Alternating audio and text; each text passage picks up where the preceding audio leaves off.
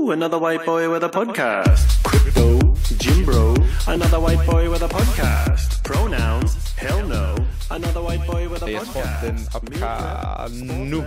Velkommen til. I lytter til Ufiltreret Fitness øh, podcast med øh, jeres vært Victor Mønter og Holger Schwartz. Vi er på afsnit 21, og øh, jeg har kommet til at skrive 22, kan jeg se. Men det er 21, og øh, vi har fået en gæst med i studiet, i vores lille online-studie. Øh, Værtrækningsekspert må vi gerne kalde dig, Malte. Velkommen til. Tak skal du have. Og øh, Malte, du ejer Breathe O, eller Breathe the O.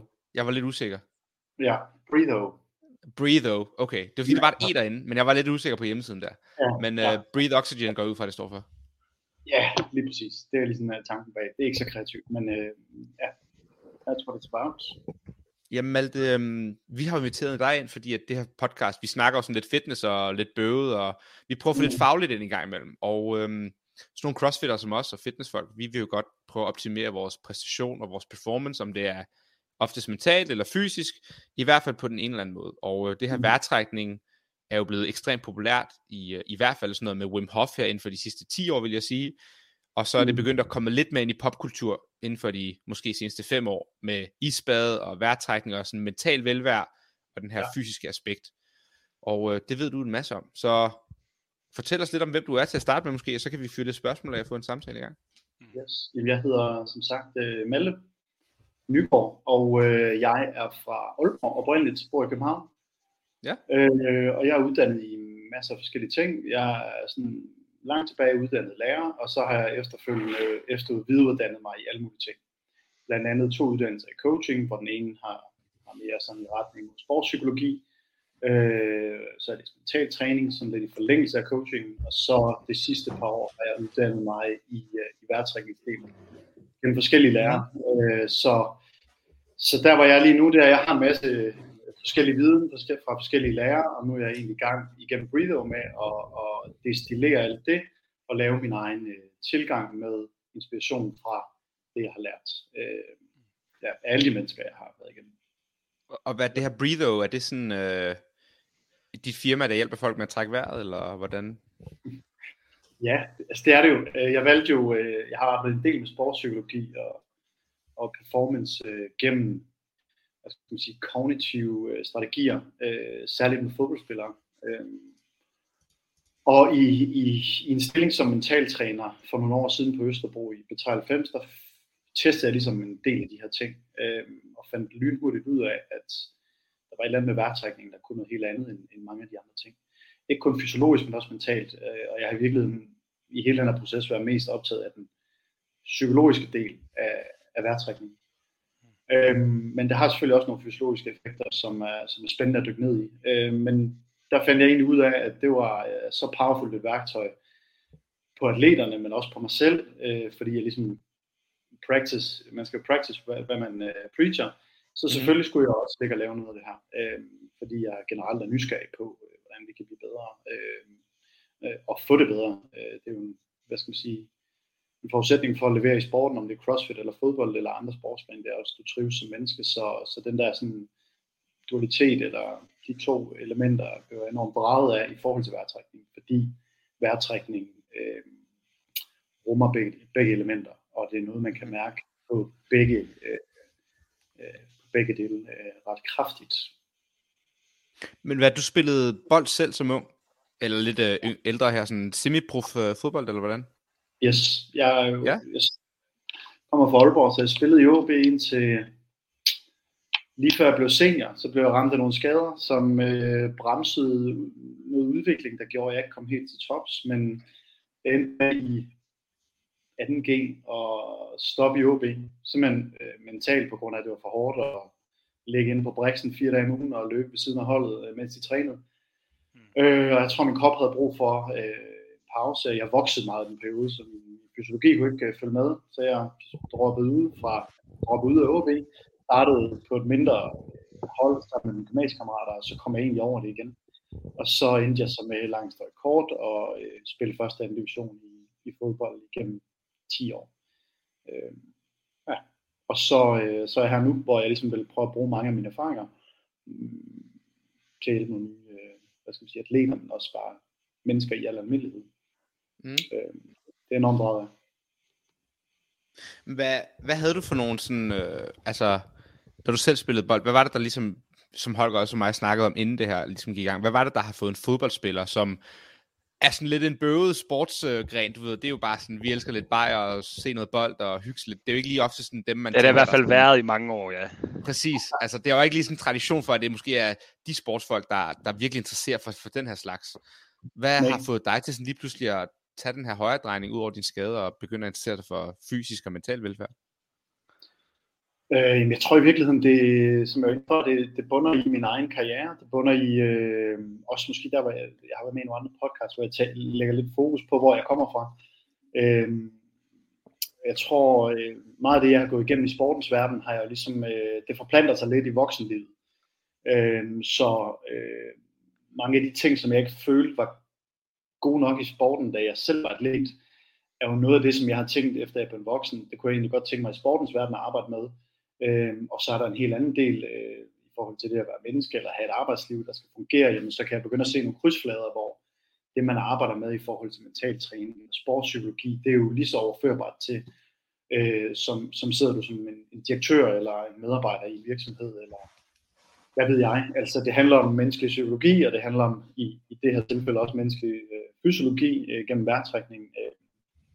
Så, øh, så det er egentlig sådan for at gå lidt op med, tror jeg, min egen historie at jeg er blevet interesseret i det. Øhm, og så er jeg en tænker. Øh, det er jo ikke alle, nu skal jeg passe på med at tale, øh, tale grimt om min tidligere øh, sådan, praksis, men altså, øh, jeg var nok ja. en af de typer, en af de typer fodboldspillere, der var, øh, øh, der tænkte sindssygt meget, også tænkte for meget en gang imellem. Øhm, mm.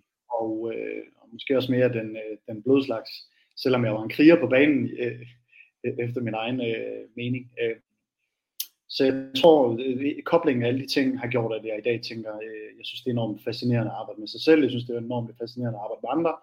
Og, øh, og hvad kan vi skrue på for ligesom enten at øge performance, men øh, også, og ikke det mindre at øge trivsel. Hvad siger du, Holger, når du hører sådan en øh, tidligere fodboldspiller, der siger, at nu skal vi til at tænke på velvære og værtrækning? Er det noget, du tror, du kunne bruge, eller hørt om før? altså, jeg havde en del tanker, da du lige sad her sådan, og snakkede indledende om det. Altså sådan, i alle mulige veje. Jeg kommer også til at tænke på det der med sådan om, om den her måde at, at bruge det her værtrækning på for velvære og for psykisk velvære, om det er sådan, om man bruger det præventivt, eller om det er noget, man bruger, når, der, når man er kommet ud, fordi at det er jo tit det der med, i vores sport, der snakker vi meget omkring det her med, at folk de brænder ud, eller at folk de mm. sådan, de kan lægge sig enormt meget pres på sig selv. Nogen kan, og så på den måde, så, så kigger det helt for dem. Øh, mm. og så er, der, så er der andre, hvor at, jeg føler lidt, Victor, du har haft den her snak før også, men det her med, øh, med det her sportspsykolog, du havde inde, det her med sådan, at for eksempel øh, for mig, der, hvis jeg går en tur med min hund om morgenen eller om eftermiddagen, så, så føler jeg sådan, okay, nu er jeg lavet helt op, nu kan jeg, nu kan jeg køre fire dage igen, hvis det skal være. Altså det er nok sådan psykisk for mig, men for andre, der kan jo klart godt se det her med sådan, at de kan komme i den der situation, altså både på gulvet, men også bare sådan i deres træning, øh, hvor at de bliver så presset mentalt, at deres altså man har jo godt set, Victor, folk, der nærmest står hyperventilerer, fordi at de sådan går helt i panik i kroppen, ikke? Præcis. så, altså nu ved jeg, har vi slet ikke dykket ned i noget sådan, øh, om, hvad det er for noget vejrtrækning, du laver og sådan noget, mm. men hvad jeg sådan kender til vejrtrækningsøvelser i forvejen, og det, det er nok primært sådan Wim Hof method, men det er det jo også det her med sådan at, ja, bare få styr på det på den måde, nu har jeg en mor, der laver yoga, så det er jo også sindssygt meget det der bare, mm. Sådan, og, ja, men... og jeg kan da også mærke på min krop, når jeg gør det sådan, at okay, jeg kan da godt mærke, at det giver noget, men igen, det er det der med sådan, jeg kommer nok ikke, øh, eller jeg, jeg tror ikke lige nu, at jeg er det sted, hvor jeg sådan kommer til at bruge det, og det er jo nok egentlig lidt ærgerligt, fordi man får sikkert noget mere ud af det, selvom at jeg sådan tænker, at det er noget, der er en, at man bruger som et redskab, når man har haft et problem, eller er kommet noget ud. Så jeg ved ikke, sådan, giver det mening præventivt? Ja, ja, super, super god mening, og det er et virkelig centralt spørgsmål, fordi det er i virkeligheden, øh, man kan bruge værtrækning på begge måder. Øh, og, og, og det jeg arbejder med, det er jo, jeg kunne rigtig godt tænke mig at gribe fat, inden det bliver øh, kritisk, eller inden at man bliver udbrændt. Altså så simpelthen, og det er jo også det, jeg synes, der er det fede ved produktet, det er, øh, og det jeg sådan, ligesom siger til mine kunder og til virksomheder, jeg er ude og arbejde med, når jeres medarbejdere, eller når du først har lært uh, the basics, uh, funda- uh, the fundamentals uh, of værtrækning, kan man sige, jamen så er det jo en gave, fordi den kan du tage med og bruge resten af dit liv øh, og, og hvad, hvad skal man sige, sænke din, din hjerneaktivitet, hvis du er stresset, eller øh, reducere udskillelse af adrenalin og kortisol i kroppen, når du øh, ja, er under pres, og alle de her ting, som, som jeg jo synes, at alle mennesker burde kende til, fordi det er noget, der er indbygget i os, og øh, det er næsten en invitation, at vi skal begynde at lære at tage kontrol over, hvordan vi trækker vejret. Ikke hele tiden, men altså vejrtrækningen foregår på to forskellige måder. Det foregår bevidst, og det foregår ubevidst. Det foregår mm. ukontrolleret, og det foregår kontrolleret. Og det er jo den del af den kontrollerende del, øh, at det er den del, jeg synes, der er spændende, fordi der kan man gå ind og manipulere med nogle ting, øh, og i virkeligheden sådan, man taler om, at, at den, det moderne menneske trækker vejret forkert i dag. Vores vejrtrækning er simpelthen ødelagt af, den, øh, af det samfund, vi er en del af øh, fordi at den teknologiske udvikling er steget, øh, eller hvad skal man sige, den teknologiske udvikling er gået fuldstændig amok. Vores hjerne, hvis vi snakker stress og udbrændthed, er stadigvæk tilbage i, øh, øh hvad skal man sige, i, i hulen, øh, som, som vores forfædre, øh, mm-hmm. jæger sten eller sådan, ikke? Øh, hvor, hvor det kun handlede om survival. Det kun handlede om at finde mad, øh, and that's it. Og vores hjerne og vores nervesystem i, øh, er i virkeligheden har ikke rykket sig nævneværdigt siden dengang. Jo, vores præfrontale cortex, vores evne til at analysere og planlægge, selvfølgelig udviklet sig, men øh, sådan, det jeg taler om, når jeg siger den teknologiske udvikling, der taler jeg sociale medier, alle de stimuli, der kommer fra øh, samfundet i dag, vores, øh, vores evne til hele tiden at skal være på, fordi det er blevet normalen, gør jo, at vi brænder ud til sidst. Der er i hvert fald mange, mm. der gør Og hvis man taler sådan lidt fysiologisk, så så, så hænger det jo sammen med, at den del af nervesystemet, som er vores stressrespons, som skal aktiveres, når vi skal ind og dyrke crossfit ud og løbe, håndtere en, en, øh, en situation, der er lidt farlig. Det kunne være, at jeg sidder og taler med jer i den her podcast. Det er nyt. Øh, det, hvordan kommer det til at gå? Så er jeg jo øget arousal, jeg er øget beredskab. Det er den sunde del af stressresponsen. Hvis ikke man får sådan counterbattlet den, hvis ikke at det, den, det hedder en sympatisk aktivering, den del af vores nervesystem. Hvis ikke man får trænet den anden del af nervesystemet, der hedder den parasympatiske del, som også bliver kaldt sådan lidt en bremse. Øh, jamen, ja, det er den, vi kender som sådan rest and digest, tror jeg. Ja, lige præcis. Øh, så ender man jo med at brænde, altså brænde ud, hvis ikke man får slappet af eller fordået med at hvile sig. Og der er bare en tendens til, at den teknologiske udvikling, hvis jeg lige skal vende tilbage, at der sker en proportionel stigning i nogle af de her moderne lidelser, vi kender som stress, angst og depression, øh, efter at sådan nogle øh, virkemidler som sociale medier ble, er blevet mere og mere en del af vores hverdag. Og det synes jeg er jo enormt interessant. Og i den forbindelse hænger vejrtrækningen super meget sammen med den del. Så du siger ligesom med, at i takt ved, at vi har mere stress ja. i vores øh, moderne liv, og vi har teknologisk mm. udvikling, og vi ligesom sådan hele tiden er på den her high alert, high alert, vi træner, vi er stresset, vi arbejder, vi har børn, der skal hentes, vi har en kone, der vil skilles, øh, vi har et hus, der skal betales lån af så mm. glemmer vi ligesom at få den her anden modsvarende parasympatiske aktivitet, og den siger du, vi kan aktivere ved en form for vejrtrækning, en form for meditation måske. Ja, det kan vi sådan, ja. kan vi dykke lidt ned i det, sådan, bare så vi tager det lidt systematisk, fordi nu sidder folk og lytter med, og det kan være lidt svært at, sådan, at lytte og forstå det hele, hvis det ikke kommer i kasser. Men hvad mm. siger vi sådan helt fysiologisk, når vi trækker vejret? Ja. Hvad sker der, og hvordan er det, du siger, at den her forskellige form for vejrtrækning kan ligesom have en effekt? Øh, kan du sådan prøve at bryde det lidt ned fra, vejret kom, luften kommer ind igennem næsen, og hvad der så foregår? Jamen altså, vi, luften kan jo komme ind to steder. Den kan komme ind af munden, og den kan komme ind af næsen. Øh, jeg vil starte med at slå fast, at 95% af vores vågne tid, eller i hvert fald 100% af vores vågne tid i hvile, når vi restituerer, der skal vi trække vejret gennem næsen. Det har en række effekter. Øh, men, men man kan sige sådan helt lavpraktisk, så skal vi jo forsyne øh, vores krop, altså vores celler, vores væv, vores øh, organer med ilt. Det er vores vigtigste næring, øh, altså vores vigtigste benzin, kan man sige, for at vi fungerer øh, som menneske. Øh, og så kan man sige, gennem at, at få den her ilt, jamen så i forbrændingsprocessen, så danner vi koldioxid, som så skal udåndes. Øh, det er sådan meget lavpraktisk, øh, hvad vejrtrækningen handler om. Og så var jeg jo inde på, på nervesystemet, der hvor hvad skal man sige, den her proces bliver interessant, øh, det er i forhold til i dag, hvis jeg skal sætte det sammen med det, jeg sagde før. Mange mennesker i dag trækker vejret med munden uden Og der taler man sådan i vejrtræknings øh, jargon om, at man har en dysfunktionel vejrtrækning. Når man har en dysfunktionel vejrtrækning, så nogle af tegnene på det, det er en forhøjet respirationsfrekvens. Oversat til dansk, så betyder det egentlig bare, når man trækker vejret gennem munden, så har man en tendens til, at øh, man tager for mange vejrtrækninger per minut. Vejrtrækningen er typisk på brystet. Det vil sige, det vil sige lungerne sidder jo her under brystkassen, øh, under ribbenene, kan man sige. Men den største mængde af de luftblære, der skal iltes, og der hvor sådan en udvikling mellem ilt og koldioxid er, det dybest ned, dybest ned i lungerne. Men hvis man går og stresset og trækker vejret med munden, så får man faktisk kun iltet den øverste del af lungen. Det er ikke særlig altså sådan shallow, shallow breathing, som de siger. Det hedder shallow, ja, shallow and fast breathing. Kan man kalde. Mm.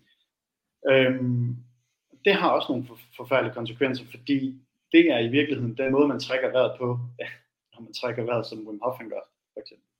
Altså det er jo de her dybe, hyperventilerende vejrtrækninger, og dybe er ikke dybt ned i maven, det er jo faktisk meget dybt i brystet, og det, er jo, det forstærker den der stressrespons, som den måde at gå og trække vejret på øh, medfører.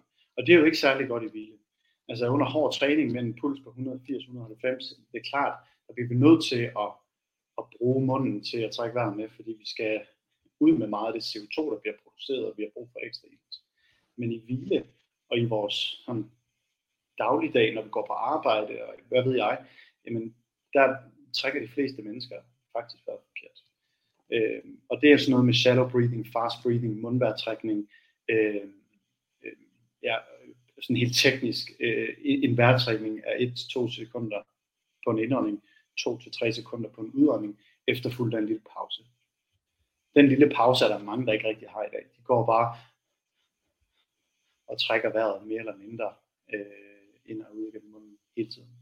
Øh, og så fordi de hele tiden har de her små vejrtrækninger, så siger du så, forbliver de i en konstant stresset stat, og ligesom ja, ikke får slappet af, de får ikke hjertet ned, de får ikke blodtrykket sænket, de får ikke iltet hjernen nok, og det er ligesom det er bare en kronisk ikke god tilstand at være i. Ja, fordi det der sker, og nu kommer øh, koldioxid ind i billedet, det der nemlig sker, når vi sådan, hvad skal man sige, øh, vasker al koldioxid ud af kroppen, så øh, vil din hjerne påvirkes, og resten af kroppen vil påvirkes, fordi så snører blodkarrene sig sammen. Det vil sige, ildforsyningen op til hjernen og til vores celler og væv minimeres. Blodkarrene trækker sig sammen, luftgennemstrømningen bliver øh, påvirket af den grund, og modsat, hvis du vender, dig, hvis du vender, det, vender det om og trækker vejret med næsen, trækker vejret langsommere, trækker vejret mere let, trækker vejret dybere, og ikke dybere i forhold til lunger eller brystkassen, men dybere ned i kroppen, altså så ribbenene udvider sig, så får vi sendt, så får vi overført den ilt, vi allerede har i blodet, over til resten af kroppen, altså til vores celler, vores væv, vores hjerne og vores hjerte, så vi kan bruge den ild, vi allerede har, øh, har i vores krop. Øh, og, og i den forbindelse er det måske ret væsentligt at sige, at mange mennesker i dag tror jo, at vi mangler ilt. Det gør vi ikke. Vi har altid en iltmætning i blodet på mellem 95 og 99 procent. Øh, spørgsmålet er bare så, om vi får overført det ilt, den ilt, der er i blodet, til resten af kroppen, så vi kan bruge det. Og det er jo der, hvor for eksempel det modsatte af Wim Hof, som jeg er uddannet i, øh, af Patrick McEwen hedder han fra The Oxygen Advantage, han arbejder rigtig meget med at gøre det modsatte af, hvad der sker, når man hyperventilerer. Det vil sige, gør, gør vejrtrækningen langsom, gør vejrtrækningen let og ubesværet, low, slow, deep, og gør den dyb, altså vejrtrækningen med diafragma af vores mellemgulvsmuskel. Øh, ja, det var en lang smør. Men, øh, men, men der er rigtig mange rabbit holes, man kommer ned, når vi går i gang med at tale om det her. Mm, hvad siger du, Holger? Er du ved at sige noget? Ja, nej, jeg kommer bare til at sidde og tænke over min vejrtrækning lige siden du sagde det. Så ja. Jamen, jeg har nemlig været heldig. Jeg tror, ja. jeg har været heldig sådan sportsmæssigt. Jeg havde en træner, da jeg gik til cross country i Texas en gang, der sagde, øh, inden vi startede løb, så skulle vi have mm. tre skolebøger med, og dem skulle vi lægge os øh, på ryggen, og så skulle vi lægge bøgerne på maven, og vi skulle så prøve at løfte bøgerne med maven, når vi trak vejret. Ja. Og der var jeg sådan noget 14-15 år. Og det var ligesom første gang, jeg blev introduceret til det her diafragme, med at man ligesom skulle prøve at løfte maven og ikke brystet. Og han sagde, I skal ikke sådan, når man trækker vejret, skulle man ikke ligesom åbne brystkassen op, men det var ligesom maven, der skulle arbejde, og det er jo mm. så bare en måde for ja. os unge at forstå, at det var diafragme. Så jeg har altid sådan haft den her intuitive måde at trække vejret på, for det lærte jeg heldigvis punkt. Men hvordan kan andre, der ikke har fået det her, der dyrker sport, nu i for eksempel CrossFit-verdenen, hvordan kan de bruge det her mm. vejrtrækning? For du snakker om, at vi skal sænke vores stress, og vi skal ligesom øh, prøver at komme ind i den her parasympatiske tilstand og få en masse recovery og Mm. få en masse ilt ind ved at trække vejret gennem næsen. Mm. Men Mm. det er jo rundt om træning. Hvordan kan vi bruge vejrtrækningen sådan, når vi træner, og vi ligesom, som du siger, har puls 180, og måske er i en stresssituation? Mm. Er det sådan, vil du sige, inden workouten går i gang, at vi kan få et mentalt aspekt, eller er der også noget fysiologisk, vi kan gøre, når vi er i gang med at træne? Øh, ja, det er der. Altså, jeg vil sige, øh, nu har jeg jo selv dykket CrossFit, og lad os bare sådan sammenligne det lidt med sådan high intensity training, fordi det er jo virkelig det, der. Så tror jeg, at det, som, som mange atleter i CrossFit vil kunne drage fordel af, det er øh, imellem, altså i, i intervalperioderne, hvor der, hvor der måske er kort rest, altså så simpelthen genvinde vejrtrækningen. Og det kan være, at du kommer fra at have trukket vejret ekstremt gennem munden, fordi du har en ekstrem høj puls, og øh, producerer en masse CO2, der skal, der skal ud, og en masse ilt, der skal ind. Så de små pauser, der måske er i crossfitten, vil det være fantastisk at genvinde kontrol over vejrtrækningen gennem at reducere hastigheden, når det kan lade sig gennem næsen. Fordi de der små momenter mellem de forskellige øvelser, så vil det have en mental øh, effekt. Du øh, reducerer hvad skal man sige, hjernebølgefrekvensen ved at reducere vejrtrækningshastigheden ved at trække vejret gennem næsen. Det vil give et bedre overblik, det vil måske give en øget mental fordel øh, mellem øvelse 1 og 2, hvad ved jeg. Jeg ved godt, at når man er i gang med en hård workout, så handler det mere om at, at, at overleve, ikke altså, fordi det er så hårdt. Men de der små, øh, små momenter mellem forskellige øvelser, der vil det kunne være en fordel at lukke munden og trække vejret gennem næsen igen så hurtigt som muligt. Øh, men, men der, der er jo alle mulige perspektiver, alle mulige veje, man kan gå. Inden en workout i, i CrossFit, øh, Patrick McEwen har lavet en protokol, som jeg ligesom er blevet øh, udlært i, hvor man arbejder rigtig meget med at luft, øh, åbne luftvejssystemet op. Altså Ja, simpelthen sådan med for opvarmningsagtigt, eksempel, eller hvad? Hvad? Altså sådan uh, ligesom inden opvarmning, eller når man skal til at varme op? Ja, Mm, jamen, præcis. Så er du ligesom, jamen, der er mange øvelser, men, men, men mange af hans øvelser går ud på at lave nogle små vejrhold. Så simpelthen, når du, når du ligesom i for eksempel øh, træner Wim Hof, så laver du 30 hyperventilerende vejrtrækninger, og, så, når du ude, og så holder du vejret. Så er du udvasket alt øh, koldioxiden. Det gør, kuldioxiden er det, der er sådan vores stimuli, stimuli til at trække vejret. Så øh, der snyder vi lidt hjernen, kan man sige. Øh, fordi ved ikke at have noget koldioxid øh, tilgængelig, jamen, øh, så kan vi holde vejret langt længere tid. Øh, og så kan man ligesom begynde at øh, hvad skal man sige, få, øh, når du ligger der og mærker, øh, under Wim Hof, I har sikkert også prøvet det, så på et eller andet tidspunkt, så har man lyst til at, at trække vejret igen. Det er simpelthen fordi, man har brug for at få øh, CO2 ud.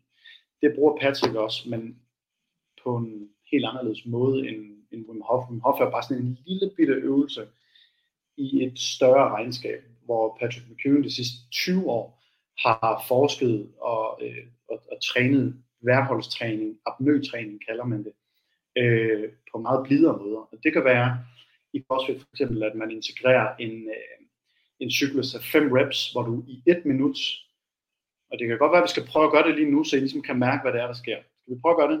Det, det kan vi godt. Hvad siger Jeg er du? klar. Godt. Okay, så lytter der med. Man prøver lige det her nu, så man er lige klar til, man skal ikke Nu ud vi og alle sammen guidet her. Ja. Lige præcis. Så det vi arbejder med, det er at gøre det modsatte, når vi hyperventilerer. Vi arbejder med at opbygge vores CO2-tolerance. CO2-tolerancen kan I mærke i øvelsen lige om lidt, øh, ved at I øh, mærker en luftsult, kalder man det. Det er det, I mærker også, når at der bliver bygget CO2 op under Wim Hof. Luftsulten, det er en indikation på, at vi opbygger CO2 i kroppen, og vi har CO2 i kroppen.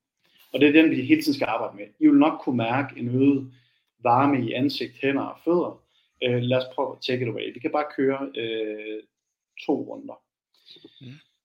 Godt, så mens I sidder her, lytterne derhjemme, så værsgo at lukke øjnene. Skide godt. Så prøv bare at rette jeres opmærksomhed indad. Prøv at forestille dig, mens du sidder der, at øh, du ligesom ruller gardinet for ind bag øjenlukkene to gange. Det vil sige, nu har du lige lukket øjnene en gang. Prøv så lige at lukke øjnene og rulle gardinet ned en ekstra gang. Og prøv at få en fornemmelse af det mørke space, der er inde bag øjenlukkene. Rigtig godt. Så mens du sidder der, så prøv at rette opmærksomheden mod din vejrtrækning. Din vejrtrækning, som den foregår lige nu. Helt ubesværet, uden du gør noget som helst for den. Den trækker vejret for dig, helt automatisk. Nu skal vi prøve at gøre det, hvor vi begynder at tage noget kontrol over vejrtrækningen. Men først, vi ved med at dykke ned i fornemmelsen af vejrtrækningen. Dyk ned i den fornemmelse, når du trækker vejret ind igennem næsen, hvordan luften er en lille bitte smule koldere. Og når du ånder ud igennem næsen, hvordan luften er en lille bitte smule mere tempereret, og en så varmere. Og prøv bare at blive ved den her fornemmelse af luften ind og ud igennem næsen. For hver gang der kommer en tanke, bring opmærksomheden tilbage på fornemmelsen af at trække vejret ind og ud igennem næsen. Rigtig godt. Og nu starter øvelsen. Så sætter I begge to, ja, på kameraet her, men også lytterne derhjemme, så sætter I fingeren lige under næsen. Lige foran næsen, ja. Rigtig godt. Og så begynder I at reducere vejrtrækningen, så den bliver langsommere, den bliver lettere, og prøv så at dykke ned i den her fornemmelse af vejrtrækningsluften, der ryger ind og ud. Det skal være sådan, at I næsten ikke kan mærke, du næsten ikke kan mærke, vejrtrækningen ind og ud gennem næsen.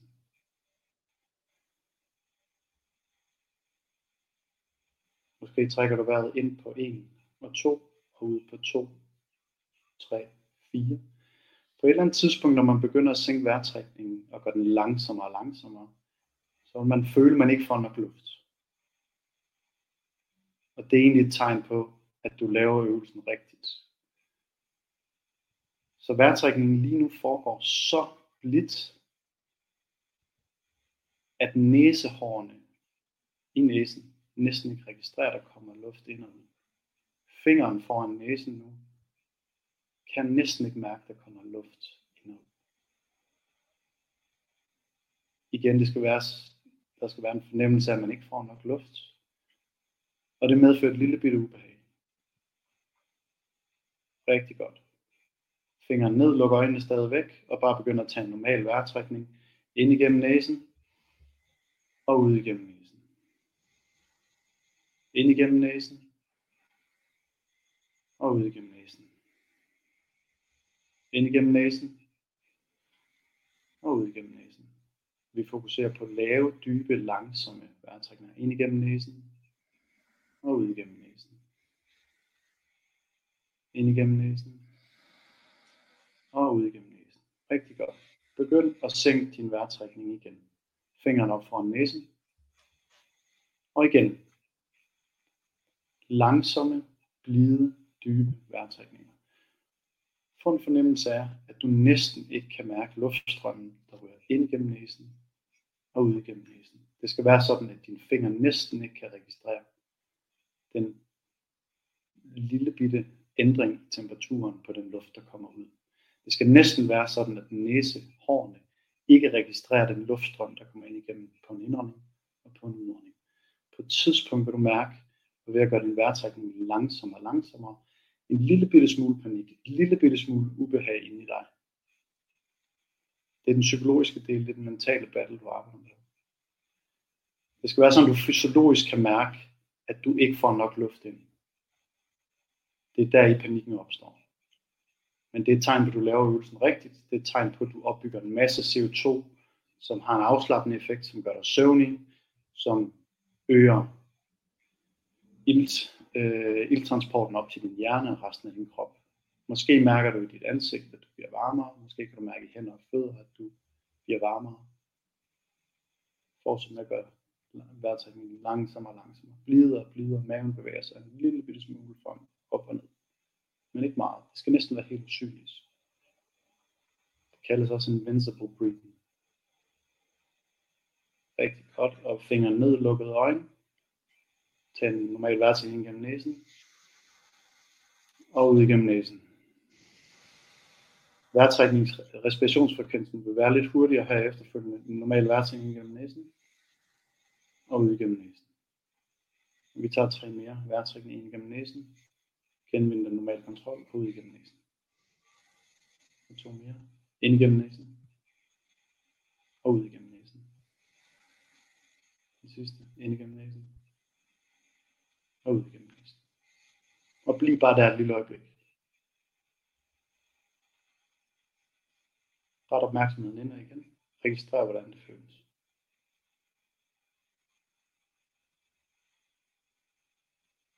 Og så må jeg gerne åbne øjnene, når jeg er klar.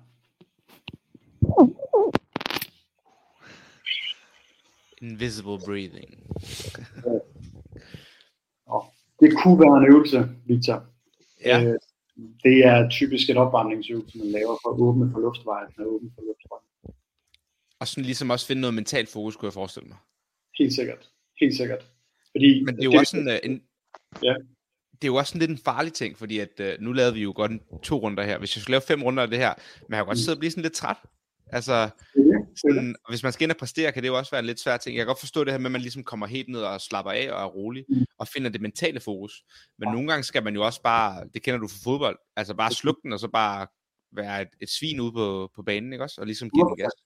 100 procent. Men der vil den, altså der kommer vi, der vil Wim Hof måske, der vil den lidt mere dybe, hurtigere vejrtrækningsfrekvens efterfølgende kunne give øh, den der forbindelse mellem den rolige og den sådan mere alert, som nu skal jeg ind og kæmpe øh, reaktion.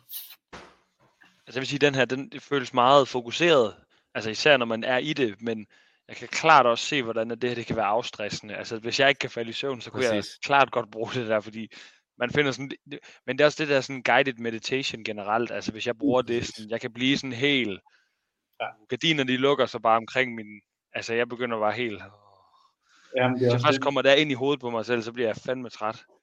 Men det er også Det er bare også super let. Det øh, minder lidt om sådan noget uh, box breathing. Det er sådan noget, jeg har prøvet Ja. at gøre en del af. Det er noget, vi har brugt, øh, og det ved du, måske kan du sige noget om det, Malte, men når man har sådan lavet hårde intervaller i CrossFit, øhm, så vil de oftest godt have, at man sætter sig op på cyklen og ligesom øh, lige prøver at cykle af, bare lige få sådan benene i gang og få lidt øh, recovery. Og der er der Mm. nogen, der har anbefalet noget box breathing, hvor det er sådan noget 4 sekunder ind, hold den i Mm. 4 sekunder, 4 sekunder ud, hold Ja. vejret i 4 sekunder, og så kører du ligesom den der firkant igennem, lad os bare sige 5 minutter. Ja. For ligesom også at sætte det der parasympati, øh, sympati, parasympatiske system i gang, og ligesom få alle recovery øh, elementerne i gang. Ja. Er det også noget, I gør brug af, eller hvordan? Ja, det er præcis. Box breathing er jo fantastisk øh, til at, sådan at genvinde noget fokus, men, men det der i virkeligheden sker, det er, at du balancerer ilt- og koldioxidniveauerne i kroppen, fordi du ligesom har, øh, man trækker vejret i en firkant, du trækker vejret Mhm. ind, lige lang tid som du trækker vejret ud, eller Mhm. ånder ud. Men imellem de to har du to apnøfaser, hvor du holder vejret på indåndingen, og hjertet, hjertefrekvensen er lidt hurtigere, og du holder vejret på udåndingen, hvor hjertefrekvensen falder. Så vi sådan, den balancerer de begge dele af hvad skal man sige, vores stressrespons og vores afslappningsrespons, og den balancerer koldioxid og iltniveauerne. Øh, så det, det er en klasseøvelse. Helt.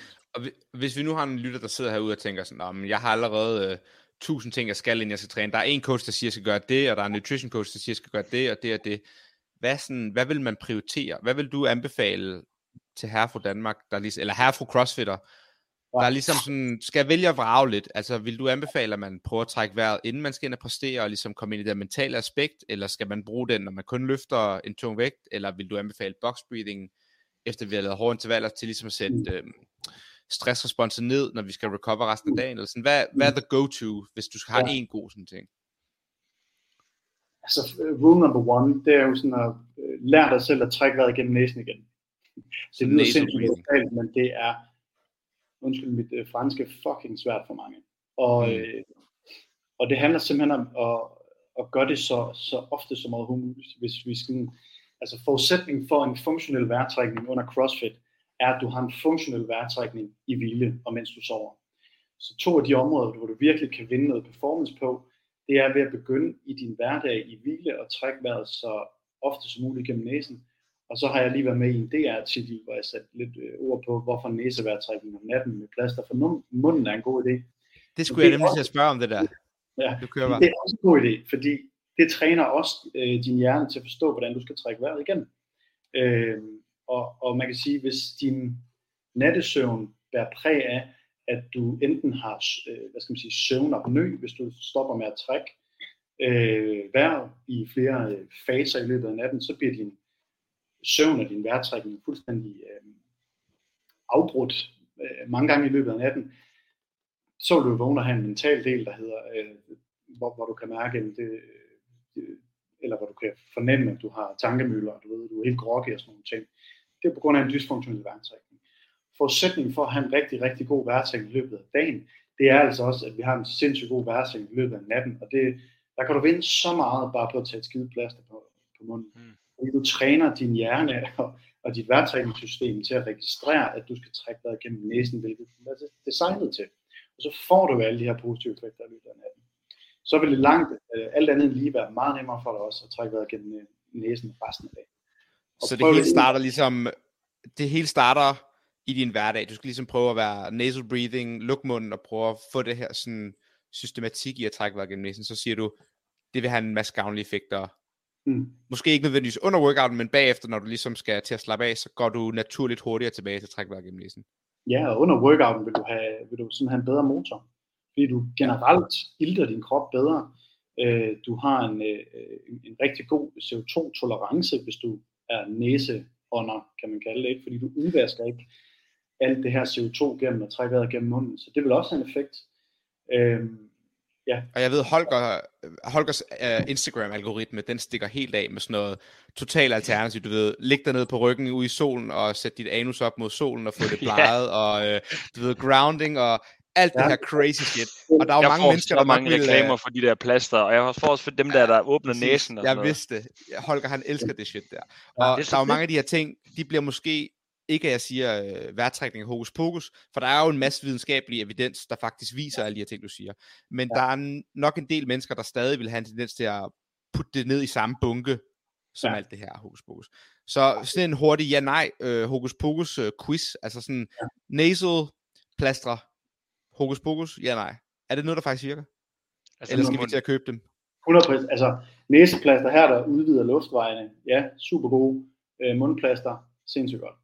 Hvad okay, gør du så med mundplaster om natten? Ja, lad mig høre. Hvad jeg gør? Jamen, kan det godt sidde? Er det kun på læberne, eller hvad fanden skal jeg gøre her? Jeg har jo, altså... Ja, nu har du jo sådan en flot snurrbart se. Ja, ja, det er verdensklasse, men, men det, det, det virker sgu... Øh, altså, jeg bruger alle mulige, jeg har brugt alle mulige forskellige slags tape. Altså, Patrick McEwen, min kære øh, mester, han, han pladerer jo sindssygt meget for myotape. Det er sådan noget tape, man sætter rundt om øh, munden her, og det har også sådan en god effekt med skæg. Det gør bare, at øh, læberen ligesom lukkes. Øh, nogle mennesker, når de sover, de har en tendens til det, der hedder mouth puffing, så man ligesom laver den der. Jeg, jeg ved ikke, om jeg har det, men, øh, men hvis man har tape for munden, enten på den hvad skal man sige, vertikale del eller den horisontale del, så kan du ikke lave den der. Og det, det er ikke så godt. Men de fleste øh, kan sagtens træne næseværtrækning med plaster for munden om natten, ved enten at sætte den sådan her, så er der alligevel to veje at kunne trække vejret ind, hvis man er sådan lidt øh, psykologisk øh, påvirket af det. Eller den her, det er den helt dyre. Og jeg bruger bare, jeg bruger både, øh, hvad skal man sige, øh, apotekets plaster, øh, eller tape. Jeg bruger det der Mew tape, hvis, øh, ja, hvis jeg har det bestilt hjem. Hvis jeg ikke har nogen liggende, så bruger jeg bare, det kan også være maler tape. Og, øh, og det virker, jeg har altså også rimelig meget hår på kroppen og i, i ansigtet, så det er sådan, øh, Okay, så man ligner bare straight up en psykopat med malertape på munden, og så går man, siger man bare, så kysser man kæresten godnat, og så øh, tager man bare tape på og ruller sig til siden, og så håber man bare på det bedste, eller hvordan? Fuldstændig. Men jeg vil sige til alle, der lytter... En gagball, det er fint nok. jeg vil sige til alle, der lytter med, måden at træne det på, det er, når, når du sidder om aftenen i uh, sofaen, ja. eller der, mm. på med det, registrere, hvordan du får det mentalt af det, og, og også fysiologisk, ikke? Tag det ud, hvis det, bliver, tag det af, hvis det bliver for voldsomt, byg det op, ligesom med alt andet, 5 minutter, 10 minutter, 15 minutter, 20 minutter, lige pludselig så vil du øh, have en lille øgning i din CO2-tolerance, som gør, at du ikke panikker så meget, og så vil du slappe mere af, og så vil du kunne trække vejret gennem næsen, for det Ja, for jeg kunne forestille mig, hvis jeg fik sådan en på, det er jo nærmest det største mareridt, det der man snakker om, hvis du får øh, noget på munden, når du får kølet, ikke også? At man ikke kan trække vejret. Det er lidt den ja. følelse, jeg vil sidde inde med sådan der du ja. ved, at man er, ikke kan forværre. Så du siger, at man skal ligesom starte lidt blødt ud. Man skal måske ikke gå uh, full Hardy Kitty og bare putte den på om natten, og så håbe på det bedste. Men Nej. man starter ligesom blødt op. Yes, yes. Okay. Alright, så den er god, den der med sådan, altså de fleste sidder jo fandme og ser to timers fjernsyn om aftenen, hvis man bare starter der. Altså sådan hele den snak, vi har haft nu her, der har jeg virkelig prøvet at tænke over det, fordi det er jo ja. er lidt aktuelt, ikke? Men altså jeg tror også, okay, det er løb, løb meget langsomme løb der, der gør det også meget. Ja, altså prøvede at trække vejret gennem næsen, når jeg lavede sådan en zone 2. Ja. Lige præcis. Okay, så, min, ja. så gaven til Holger, Vi kører næseplaster, vi kører plaster til munden. En af delene, altså plaster til munden er nok. Næseplaster kan du også prøve, øh, Holger. Altså, så er du jo bare dobbelt op på åbne luftvejene og, og, og, og lukke munden. Jeg har, sådan, jeg har et næsebor, som er så narrow. Altså, det er helt sygt. Det er sådan, hvis Ja. jeg bare det mindste stoppede, så når jeg suger meget luft ind, så lukker næsen bare. Fordi der er Ja. så lidt plads i den. Det er fordi, du ikke laver invisible breathing. Jamen, så kan Ja, sige, det, det kan man Ja, også. Okay, men Malte, øhm, Der er en øvelse til at unblock den. må jeg høre nummer tre, Malte? nej, sorry. Nummer tre. Kan du lige få mig tilbage på sporet. Nummer tre hvad? Hack. Øh, jeg tror, Der er han begyndt snakkede at komme om... lidt Nå, nu er han lidt tilbage, nu er han lidt ude. Victor, du falder lidt ind og ud. Ja, det er derfor. Men han snakkede, øh, det var de der, vi skulle sige ja, nej, om det var, øh, om det var hokus pokus eller ej. Så når han lige kommer ind, så kan vi lige finde den lidt. Mens han er væk, så kan jeg lige, jeg kan jo huske tilbage, øh, jeg ved ikke, hvornår du lavede CrossFit, det var, du sagde, det var en 3-4 år siden, eller hvad? Ja, det At, øh, jeg ved ikke, om, hvor, hvor meget du lavede det, og hvor meget du var inde i det, men der er en træner, som der har et program, der hedder The Training Plan. Jeg kan huske sådan for en, så fire år siden, at der så jeg folk, som skulle have sessions, hvor de skulle sidde med tape på munden på, øh, på, på, på fanbiken, og alle synes jo bare, at de var bindegale den her gang, men altså, det er jo bare virkelig aktuelt nu i forhold til, der, hvad det har været for, for lidt år siden. helt vildt. Og nu nævnte du det her med, at du har prøvet at løbe med, øh, med tape for munden også. Nej, nej, bare, jeg tænkte bare kun næse breathing, der løb. Nå, Jeg tænkte næse, bare fokuseret, ja. ja. Og, øh, og, og, det, det, hvis man skal prøve at træne det, mange bliver rigtig frustreret, fordi man bliver nødt til at sende, sænke sin, øh, sin hastighed, sin løbehastighed, mm. væsentligt, fordi øh, du er simpelthen ikke, øh, du er slet ikke vant til at trække vejret gennem næsen. Jamen, det, det passede mig så godt, for jeg skulle træne op til ultramaraton, og jeg skulle bare løbe meget langt og meget langsomt i lang tid. Så det Ja. der med sådan at løbe meget, hvor jeg bare trækker vejret gennem næsen, det tvang mig også til ikke at løbe hurtigt, så kunne jeg bare løbe. Nå, perfekt. Og det, hvordan, hvordan gik det for dig? Lykkedes det for dig at kunne holde Ja, ja, det, hvad fanden Han det? smadrede det. 8 timer og 13 minutter. Det, og det er faktisk sjovt, ham jeg løb med, han er kæmpe Wim Hof-fan. Ja. Han kører Ice Barrel ude på hans terrasse inde i Aarhus Midtby, og han, jeg har, han har lavet sådan lidt uh, intim kurser for os venner, sådan, så har vi ligget op på gulvtæpperne hjemme i hans lejlighed og bare ligget og lavet de der hyperventilerende øvelser der. Man er bare nærmest er i choktilstand bagefter, man sådan helt... Ja. Det er jo sådan Hvad- den helt der anden, med- føler jeg også, i forhold til det, vi lige lavede nu. Så Ja, da jeg lavede det- der var jeg jo helt... Jeg var sådan helt pumped op på det, og man var nærmest helt high af det, eller sådan, og det her vi lavede nu, det var bare helt... Det er en helt anden vej. Er det ikke noget med, at Wim Hof er blevet sagsøgt af sådan noget øh, 13 familier, øh, fordi at de er døde, eller de har været trukket vejret i øh, vandet, og så er de besvimet og druknet? Jo, desværre. desværre. Og det er, jo, øh, det er jo det, der også kan være lidt farligt ved, ved altså, ligesom tørsvømning er uska- uskadeligt, så vil jeg næsten også sige Wim Hof på, på gulvet derhjemme, og ikke i vand, er Ja. sådan forholdsvis harmløst, hvis du er sund og rask. Ikke? Men det, der jo kan ske, og det, der sker ved for eksempel at udvaske en masse kuldioxid, det er jo, at du ens øh, hvad skal man sige, blodkar snæver sig sammen, det vil sige ildforsyningen og blodgennemstrømningen op til hjernen lukker ned. Det er også derfor, at nogen vil opleve sådan nogle helt, øh, nogle de kommer med de vildeste historier. Det er De sådan en vildeste- euforiserende historie. Fuldstændig. Øhm, og, og jeg tror i virkeligheden, det er, jo, det er jo det, der har fået nogen til at, at pass out, og desværre være i noget iskoldt vand, hvor, ja, om de er druknet, eller hvad ved jeg. Øh, Ja, præcis. Ja, men jeg så godt, jeg læste lige en artikel og så nogle YouTube-videoer om det, det så jo ret forfærdeligt ud, men altså, det virker ja. jo som om, at de fleste, der ligesom ved noget om Wim Hof, er godt indforstået med, at det ikke er hans metoder, der sådan set er farlige, men det er ligesom folk, der har, mm. Som du siger, måske misbrugt dem, og så har de gået i en pool alene og besvimet, ja. og så, altså, ja, det skal man måske lige tage sin uh, forbehold for.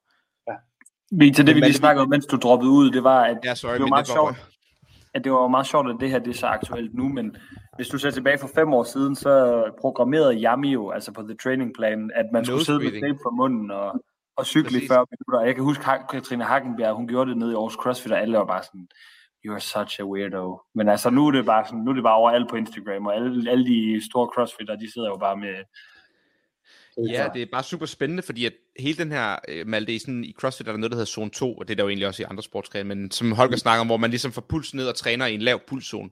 Ja. Og der lyder det jo bare som en helt ideel måde at trække vejret igennem Ja, næsen på på samme tid, fordi at du får af, som du siger, iltet blodet bedre, og ligesom lært din krop at bruge den her lave stress vejrtrækning, og du Ja. tvinger dig selv til at være i et lavt tempo, så det er jo bare win-win. ja, Så så har du til dem, der- hvor du genvinder overblikket. Præcis. Ja, øh, træning. Så dem derude, der lytter med, der laver zone 2, som vi har snakket om i podcastet, I kan lige så godt prøve at trække vejret gennem næsen imens. Helt sikkert. Der kommer spørgsmål 3 til Hokus Pokus, ja eller nej? Ja. Breathing balloons. Der er jo øhm, begyndt at komme sådan nogle øh, ballonger, hvor du ligesom puster imod en modstand, og trækker vejret imod en modstand. Mm. Øhm, og det er jo, ideen er så, at du skal ligesom øh, bruge din vejrtrækningsmuskulatur, din, øh, Yes. både din diafragme og ligesom også din interkostalmuskulatur til at Yes. trække vejret bedre. Ja. Øhm, jeg har læst mig lidt til, at det, der måske er noget evidens for, at det gør dine muskler mere effektive, men ikke Mm. nødvendigvis gør din iltindtagelse mere effektiv. Så hvad siger du? Hokus pokus? Ja, nej på sådan nogle iltmasker, eller iltposer. Hvad sagde du som, at det ikke gør hvad? Punkt nummer to. Jamen, jeg har hørt, at selve muskulaturen skulle blive stærkere og mere effektiv. Det men mening. at det, at det ikke nødvendigvis gør, at du faktisk kan trække mere ilt ind. Øhm, at der ikke ligesom er en korrelation mellem, at bare fordi de er stærkere, betyder det faktisk ikke, at de virker bedre. Men, øh, Jamen, det vil jeg også sige det rigtigt her. så der er måske noget med det, måske ikke. Pending. Altså, der er i hvert fald det her med, når, når der kommer modstand på vejrtrækning, uanset om det er en ballon, eller om du laver yogaen, der har man jo ujjayi-vejrtrækning, hvor du ligesom sammensnører øh, halsen øh, for ligesom at øge modstanden. Øh, det gør jo i hvert fald, at, hvad skal man sige, at din ja, intra-abdominals, øh, hele din, øh, ja, din hvad skal man sige, diafragma og de interkostale muskler, de får lov at arbejde med øget tryk. Og det, ja. det, det er styrketræning for, for vejrtrækningsmuskulaturen. Og hvad Holger, du sagde, det var det, du gjorde med weed, da du var ung. Nej, jeg siger bare, at der findes den der vol- volcano bag, som man kan, allegedly, som man fylder med, med vape, og så sidder folk bare med sådan en stor pose. Jeg ved ikke noget om det. Så. Alright. Men øh, okay, den, men det er fordi den pose der, Malte, det har min træner nemlig sagt, at jeg skulle overveje at gøre. Bare for sådan ligesom prøve at se, om øh, vi kunne styrke min diafragma og min interkostal muskulatur. Og jeg har selv været lidt sådan, ah, burde jeg investere i den, burde jeg ikke. Men Mhm. øhm, det kan være, du anbefaler den, så kan det være, at jeg giver et skud. Ja. Spørgsmål Det- 4. Ja. Sådan øh, Bane-masken, den vi så for 10 år siden, MMA-kæmperne ja. lavede, og de puttede den der store Bane øh, sådan ind i munden. Jeg tror, Mhm. samme princip skulle ligesom øh, forsnævre mængden af, af vejrtrækningshullet, kunne man sige. Altså det ligesom gør, at du kan få mindre ild ind. Ja. Og jeg kunne så forestille mig, at det også skaber lidt en modstand ind og ud. Mm. Jeg ved ikke, om det er samme princip som posen, men hvad siger vi? I øh, vores omgangskreds bliver der gjort grin med det. Hvad er det noget, du synes, der er noget værd? Altså, det er en sportsmask, du tænker på, ikke? Jeg ved ikke, Holger, hvad kalder man sådan en? Ved du, hvad jeg snakker for en, Holger? Jeg tror faktisk... Bane breathing mask. Jeg prøver lige at Det, det er ligesom, øh, du kan godt huske under corona, så var der dem, der købte de der masker, som de kunne bruge igen, som var lavet af stof. Så var det sådan nogle, Ja. der blev lavet i, i neopren, og så sad der bare sådan to ventiler på, som gjorde, at det var sværere at få luften ind og ud. Så Okay. okay. den skulle, altså de, de, de solgte det på, at de sagde, at det var det samme som højdetræning, hvilket det umuligt kunne være. Men, men andre sagde også, at de brugte det, fordi, jeg kan, jeg kan huske, jeg tror det var 2017, der var der til Regionals øh, CrossFit konkurrence, der var der en, der hedder Christian, Christian Lucero, som brugte det i hans opvarmning.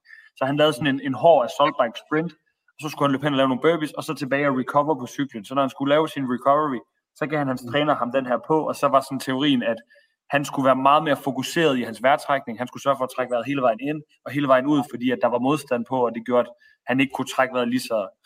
Ja. Det kunne ikke lade sig gøre at lave det der overfladiske vejrtrækning. Præcis. Det, De hedder de ikke ele- Elevation Mask, måske er det det, de hedder. det kan godt være. Jeg kender kun sportsmask. Vi, det, bruger, øh, hvad hedder det, det bruger vi også i Oxygen Advantage, hvor man ligesom kan lave noget træning med det. Men, men tanken er jo virkelig bare, at det hjælper med at altså, øh, sænke hastigheden i din vejrtrækning. Øh, og, og Ja. generere den her følelse af luftsult, som jo er tegn på, at der bliver opbygget CO2, som har en udvidende effekt i forhold til din, til din øh, vejrtrækning. Altså det sender ilten bedre rundt. Øh, men det kan have en psykologisk øh, øh, effekt, altså svær effekt, fordi du føler ikke, du får nok luft. Men, men det er jo så det, man har hele tiden arbejder med, at prøve at opbringe den der CO2-tolerance, og, og, og på sigt vil din angst, den følelse, det med, øh, fremprovokerer, falde, og du vil være meget mere rolig, du vil trække vejret, øh, vejret meget mere langsomt, og ligesom øh, ja, sænke din vejrtrækningsfrekvens, kalder man det. Så masken har en biokemisk og en biomekanisk øh, side af, af træningen. Alright, så opsummerer, vi siger plaster til næsen, go Yes. for det. Plaster på munden, endnu bedre. Byg det op stille og roligt. Start måske lidt om aftenen, og øh, sig det lige til din kæreste, så hun ikke tror, du er helt blæst. Yes. Prøv bare generelt at bruge næsen mere i hverdagen og dit diafragma. Ligesom prøv at komme ind i den her lidt mere parasympatiske tilstand. Mm. De her masker slash poser til at styrke muskulaturen, vi tror, det kan hjælpe, men det er måske ligesom skridtet, det er ikke ligesom essentials, vil du sige. Det synes jeg jo ikke, fordi så skal vi rundt med masker og alt muligt grej. Ja, præcis. Altså, øh, og så en ting, som ikke er på øh, i, i de fire ting, øh, ja, fire punkter der. Mm. Øh, steppet, step 1 med at bruge næsen, der er der også et step øh, ja, 1b, og det handler mm. jo egentlig om bare øh, at blive bevidst om vejrtrækningen i din hverdag. Ja. Fordi den opfører sig jo fuldstændig automatisk. Og når du er i en, øh, lad os sige, for en, øh, før en konkurrence, eller op til en konkurrence, kan man sige, i CrossFit-regi, hvis det er en stor ting, nu har jeg lige været i Barcelona for en, en flot placering. Tillykke med det. tak. Men, men hvis, øh, når I bliver super nervøse, så vil vejrtrækningen jo stige op i brystet. Når man skal ind og have en eller anden samtale, der er vigtig, så vil vejrtrækningen også stige op i brystet. Den vil blive hurtigere, den vil blive ud af munden. Så det her med at skabe noget bevidsthed om vejrtrækning, og vide nogle af de her hacks, som du har nævnt, blandt andet med næsen, få den godt ned i mellemgulvet. Øh, hvis ikke du er bevidst om din vejrtrækning, så kan du ikke rigtig begynde at arbejde med den, så de to ting hænger sammen. Alright. Og hvad siger du, øh, Malte, bare sådan også for lige at høre lidt om dig. Hvordan bruger du det i din hverdag? Prøver du, kører du sådan en der øhm, tape om natten, inden du går i seng, eller bruger du det bare i stressede når din chef er irriterende, eller der er en kunde, der hopper fra, eller hvordan, hvordan bruger du det sådan? Øh? Jeg, jeg walker the talk. Altså, du walker the talk? Ja, jeg bruger det, fordi det, jeg kan ikke undvære det. Øh, og, og det kan godt være, at jeg er lidt ekstrem, men jeg vil gerne slå slag for, at øh, det har med givet mig så meget ikke bare på den fysiologiske del, men også den mentale del. Altså min evne til at tænke klart, træffe gode beslutninger, være mere frisk, øh, bare nogle, øh, har nogle vilde effekter på den lange bane, hvis du ligesom får det inkorporeret. Ja. Øh, så ja, jeg både sover med tape øh, om munden om natten, og så bruger jeg min vejrtrækning, altså jeg har fokus på funktionel vejrtrækning, vejr, vejrtrækning med mellemgulvsmusklen, øh, igennem næsen, gør den langsom, næsten usynlig øh, i hvile, og når jeg oplever situationer, for eksempel inden jeg skal på i dag, hvor jeg tænker, hm, det er vigtigt, at jeg laver noget fint til jer, og det er vigtigt, at lytte mm. med, så kan jeg hurtigt blive grebet af øh, tankemøller og hvad nu vil, så jeg ved ikke hvad. Så hele den her mentale del ved at bruge værtsætningen til det, hver gang det sker, om det er for en podcast, før en turnering, inden et vigtigt møde på en arbejdsplads, i, i, i, i hvilken som helst situation, som tror dig, eller har ja, en stressresponsen i gang, der kan du bruge det her til at centrere, fokusere. Det er jo indbygget mindfulness, og det er væsentligt nemmere mindfulness. Undskyld, mit danske næsten meget mere effektivt end mindfulness, og det ved jeg godt, ja. det kunne man sige, men øh, det har nogle, nogle biokemiske effekter, som mindfulness øh, ikke har.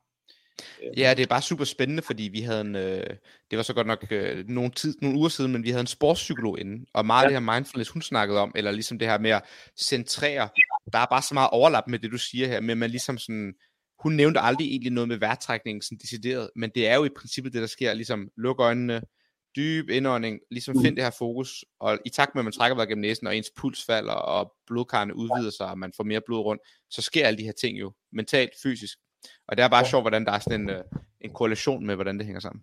Lige præcis. Og i forlængelse af det vil jeg lige uh, indskyde en lille bemærkning. For, fordi mindfulness er jo for dem, der allermest har brug for det, men dem, der er allermest brug for det, det er også dem, der overhovedet ikke formår at dyrke mindfulness. Fordi mm. det er jo, mindfulness er jo, nu havde I en podcast om det her for noget tid siden, men altså, det forsøger også at stille sindet. Øh, mindfulness forsøger, at vi ikke øh, fusionerer, kalder man det i psykologien, altså smelter sammen med tanker eller følelser. Øh, men, men hvis du er i øget alarm, alarmberedskab, hvis din øh, stressrespons, fight or flight del af nervesystemet er overaktivt, så lover jeg dig for, at det nærmest er umuligt at dyrke mindfulness, fordi at sindet jo fuldstændig spiraler derudad. Og et ustyrligt sind er lige med en ustyrlig vejrtrækning, men hvis du bruger vejrtrækningen til at få styr på sindet, hvad sker der så? Så bliver det hele meget nemmere. Også hvis du gerne vil meditere eller dyrke mindfulness. Og hvordan er det for dig med, øh, undskyld jeg afbryder, hvordan er det så for dig med sådan, øh, du har gjort det her i mange år, jeg kunne forestille mig for dig, at det er meget sådan naturligt, og ligesom du er stresset, du trækker dig tilbage til dine gamle vaner, trækker dig gennem næsen, gør alle de her ting, vi har snakket om. Mm. For mig, eller for Holger, eller hvem der nu lytter med, der prøver at indføre det her, kunne jeg forestille mig, at man har tendens til at falde tilbage i vores gamle vaner, som netop er shallow breathing, øh, dumme, dårlige vaner. Hvordan skal man sådan ligesom, har du nogen råd til det, hvordan vi ligesom, ja, Mm. bliver ved med at trække vejret gennem næsen og husker de her ting, og ikke bare falder tilbage til gamle, så vi gør det i to dage og glemmer det. Altså forstår du, hvad jeg mener? Mm. Jeg er lidt svært ved at formulere spørgsmålet, men Nej, det er fint. Øhm, Altså en rutine i det, er det ikke det, du prøver at efterspørge, Victor? jo, præcis, hvordan man sådan ligesom kommer ind i rutinen, så den bliver der, når man har brug for den. Altså det er jo alt, i CrossFit der, og i det der, der er hele det der, hvad skal man kalde det, human optimization, som bare er det helt store lige for tiden, der snakker de jo alle sammen om protokoller. yes. Så sådan, hvad er protokollen? Ja. Altså med vejrtrækning er der ikke lige, altså Patrick McEwen har forsøgt at lave en protokol for functional breathing, det er step 1. Og så har han lavet en protokol for performance breathing, som handler om simuleret højdetræning. Det er ligesom hans to pillars. Øh, men en, en, en helt basic protokol vil jo være, et, begynder at blive øh, nysgerrig på din vejrtrækning. Altså simpelthen øh, tage et valg om, jeg vil lige, øh, ja, jeg vil lære noget mere om, hvordan jeg trækker vejret i forskellige situationer. Step 2. Træn næsevejrtrækning så ofte som muligt. Det her det er meget basalt. Træn det så, så langt, så ofte som muligt, hver gang du tager dig selv i at åbne munden. Luk munden. Når du er ude at gå, for eksempel, luk munden. Mærk, hvordan du øger den her CO2-tolerance. Men prøv at være i. Så i virkeligheden er det meget, meget simpelt. Begynd at sove med tape om natten, så du træner de der 8 timer, hvor vi alligevel ikke har bevidsthed. Øh, at så er der en bevidsthed, hvor hjernen begynder at forstå, hvordan den skal trække vejret for dig igen, kan man sige. Øh, det er i virkeligheden det. Så er der jo, altså når jeg arbejder med klienter, så er der jo en masse grundøvelser, som åbner op for diafragma. Mange mennesker i dag går med gaffatape omkring, fordi de presser følelser ned, de har det svært, de er stresset. Det gør jo simpelthen, at vi spænder op i vores krop. Så mange af de øvelser, jeg laver, øh, som, som styrker sådan biomekanikken, øh, åbner jo op for, at diafragma og mellemgulvsmusklen kan, kan flyde frit og naturligt igen, når man faktisk kan begynde at arbejde med det. Og så del 2 af træningen, det vil være at arbejde med biokemi, balancere de to niveauer af ilt og kuldioxid. Step 3 vil være at arbejde lidt med frekvensen, altså antal vejrtrækninger per minut. Det koblet sammen ender som at skabe de bedste forudsætninger for, at din vejrtrækning automatisk fungerer for dig. Men hvis vi sådan... Hvis jeg nu for eksempel skal prøve at inkorporere det her, Mm. så vil du sådan... Lad os bare sige, jeg har travlt, jeg har alle mulige andre ting i hovedet, som er, de fleste jo har. Og man har måske, man lytter til det podcast, og i morgen har man glemt halvdelen af det, men man vil godt prøve ligesom at inkorporere nogle af de ting. Vil du sige sådan, er det her med tape om munden for eksempel, en god løsning, fordi at så får man, som du siger, de her 8 gratis timer, hvor man ligesom får øget noget, og så kan man håbe, at der er carryover-effekt, eller Ja. altså, hvad er sådan minimal effective dose? Hvad er det, vi kan gøre minimum for at få de her gode vaner? Jamen, Ikke det for, er, at springe, ikke for at springe over, hvor gader er lavest, men det er det, der man nogle gange skal. men, men alene det at switch til, til næsen, altså, øh, det er en game changer. Ja. Og, og det lyder så basalt, men, men, men når de fleste af det, når, når de fleste af os i dag, det moderne mennesker, trækker vejret med munden, så er det voldsomt at opleve, hvordan det er at trække vejret med næsen for det meste. Øh, fordi du vil generelt også være mere i ro øh, og have større overskud.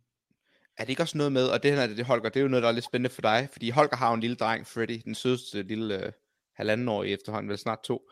Øhm, er det ikke noget med, at nasal breathing i små børn har en effekt på ansigtets form senere hen i livet?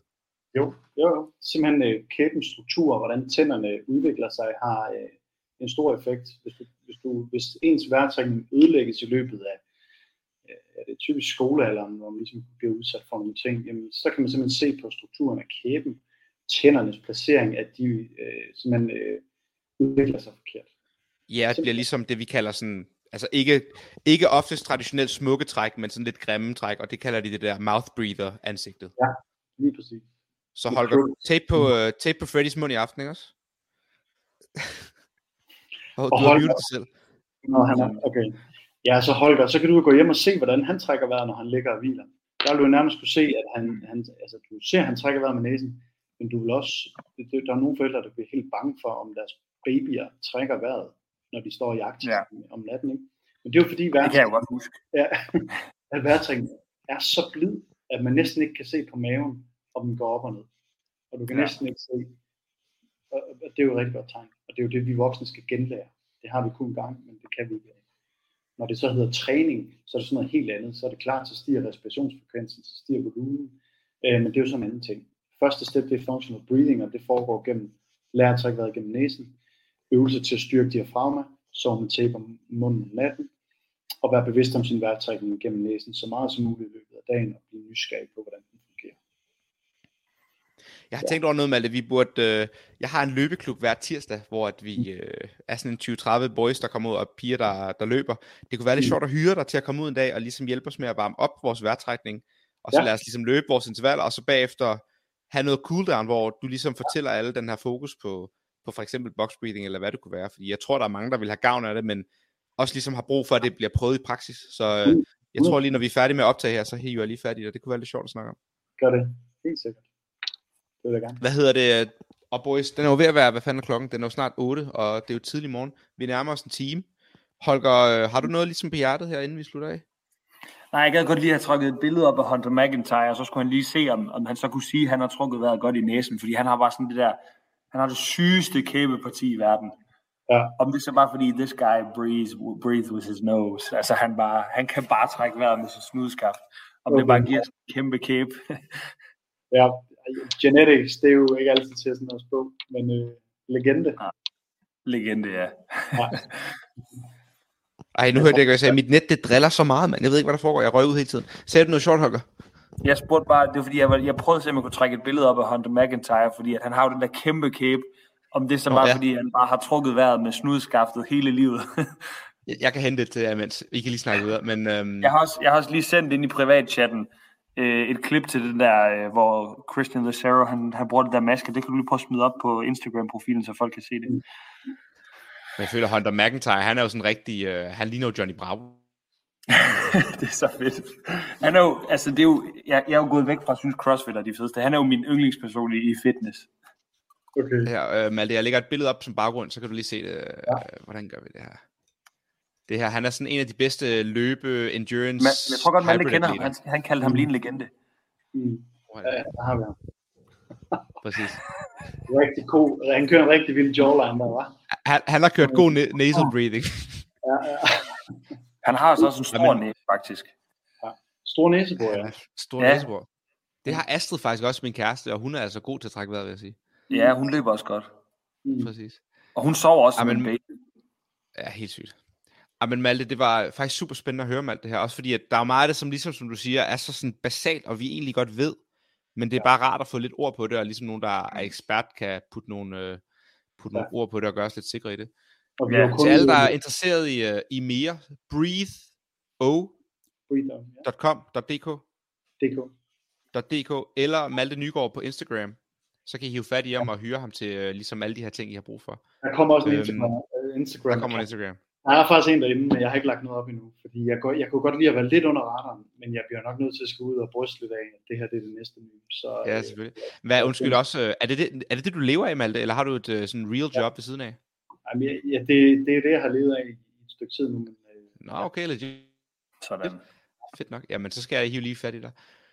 Jeg siger tusind tak, Malte, fordi du ville være med sådan en onsdag aften her. Det var super spændende. Jeg beklager, at mit net var så dårligt, at jeg lige røg ud i, ny og næ. Men øhm, Vi klarede det. hvis vi øh, hiver dig fat der til en tirsdags løbeklub, så tager jeg altså mit øh, optageudstyr med, så kunne vi lige lave et øh, special der. Det kunne være lidt sjovt. Men øhm, når jeg trykker stop record her, så bliver du lige inde i, så lad være med at gå ud, så kan vi lige snakke videre. Ja, det kan.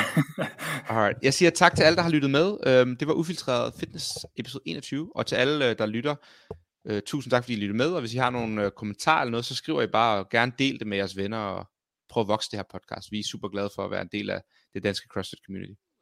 Det var Holger Victor og Malte Nygaard. Tak for i dag. Jim another white boy with a podcast. Pronouns, hell no.